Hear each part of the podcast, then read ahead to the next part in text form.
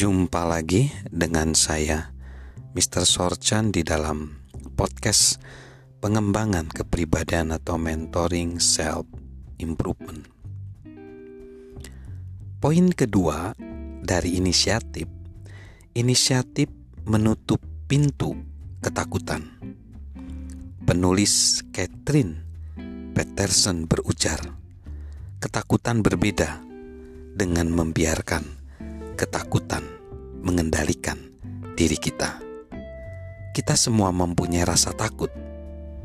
Pertanyaannya adalah, apakah kita yang mengendalikan rasa takut atau membiarkan ketakutan mengendalikan kita? Lalu, yang ketiga, inisiatif membuka pintu peluang. Benjamin Franklin, salah satu Bapak pendiri Amerika Serikat memberi nasihat untuk meraih kesuksesan, melompatlah secepat mungkin demi meraih peluang. Orang yang berinisiatif dan bekerja keras mungkin sukses atau mungkin gagal. Namun siapa pun yang tidak punya inisiatif hampir pasti dijamin gagal. Coba perhatikan keputusan yang harus kita ambil, masalah yang harus kita atasi, kemungkinan yang harus kita uji, proyek yang harus kita mulai, tujuan yang harus kita raih, peluang yang harus kita rebut, impian yang harus kita wujudkan. Siapa pun tidak boleh menunggu segalanya sempurna untuk sukses. Lebih baik 80% yakin dan mewujudkan sesuatu daripada hingga yakin 100% karena saat itu peluang udah hilang. Lalu yang keempat, inisiatif meringankan kesulitan hidup. Psikiater M. Scott Peck berkata, hidup memang sulit. Kesulitan hidup bukanlah masalah banyak orang. Cara orang menyikapi kesulitan hidup adalah masalahnya. Sudah banyak orang menunggu datangnya keberuntungan. Saat menjalani hidup ini, mereka kerap merasa hidup ini sulit. Sesuatu yang sekonyong-konyong datang biasanya bukan hal yang kita harapkan. Kita harus berupaya agar kesempatan menuai sesuatu yang kita impikan. Filsuf dan penulis William James berkata, "Tidak ada hal yang melelahkan selain bertahan pada tugas yang terkatung-katung. Kian lama kita membiarkan sesuatu, kian sulit sesuatu itu.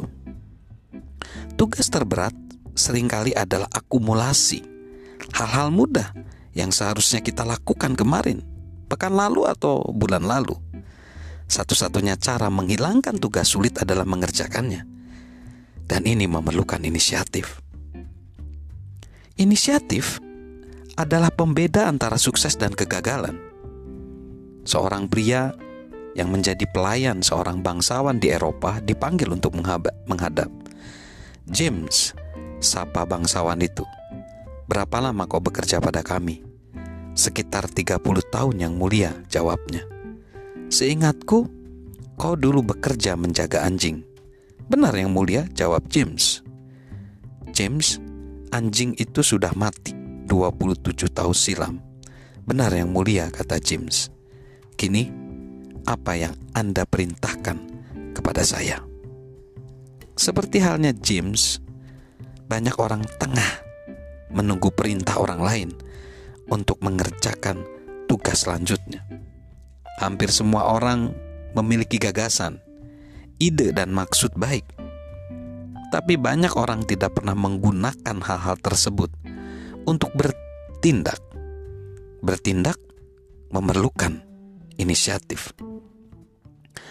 Ada cerita di tahun 1970-an, dua orang bergiat memodifikasi dan mengembangkan telegrafi, teknologi terkini saat itu. Keduanya memiliki ide mengirimkan suara melalui kabel. Mereka juga menyelidiki transmisi suara manusia secara elektrik yang menarik adalah kedua orang itu Alexander Graham Bell dan Elisa Gray. melayangkan ide-ide mereka ke kantor hak paten pada hari yang sama, tanggal 14 Februari 1873. Bell, orang kelima yang tercatat melayangkan surat paten itu. Di sisi lain, Gray mengirimkan pengacaranya yang tiba sejam lebih lambat daripada kedatangan Bell. Pengacara Gray mengirimkan surat protes, sejenis nota keberatan untuk menuntut hak paten. Keterlambatan itu merugikan Gray. Pengadilan mengukuhkan klaim Bell untuk memiliki hak paten. Meskipun Gray keberatan bahwa ide pembuatan telepon berasal dari dirinya. Talenta tanpa disertai inisiatif tidak akan pernah mencapai potensinya. Itu bagaikan seekor ulat bulu yang tidak pernah berubah menjadi kepompong.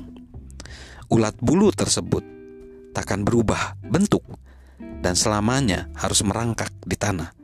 Meskipun ulat bulu itu berpotensi terbang menjadi kupu-kupu. Orang sebenarnya terdiri dari tiga jenis. Satu, orang yang berbuat benar tanpa harus diminta. Dua, orang yang berbuat benar saat diminta. Tiga, orang yang berbuat benar saat diminta lebih dari sekali dan empat, orang yang tidak pernah melakukan apa pun yang benar. Pribadi bertalenta plus adalah orang pertama. Orang yang berbuat benar tanpa harus diminta. Salam memiliki inisiatif yang menggerakkan talenta kita. Dari saya, Mr. Sorjan.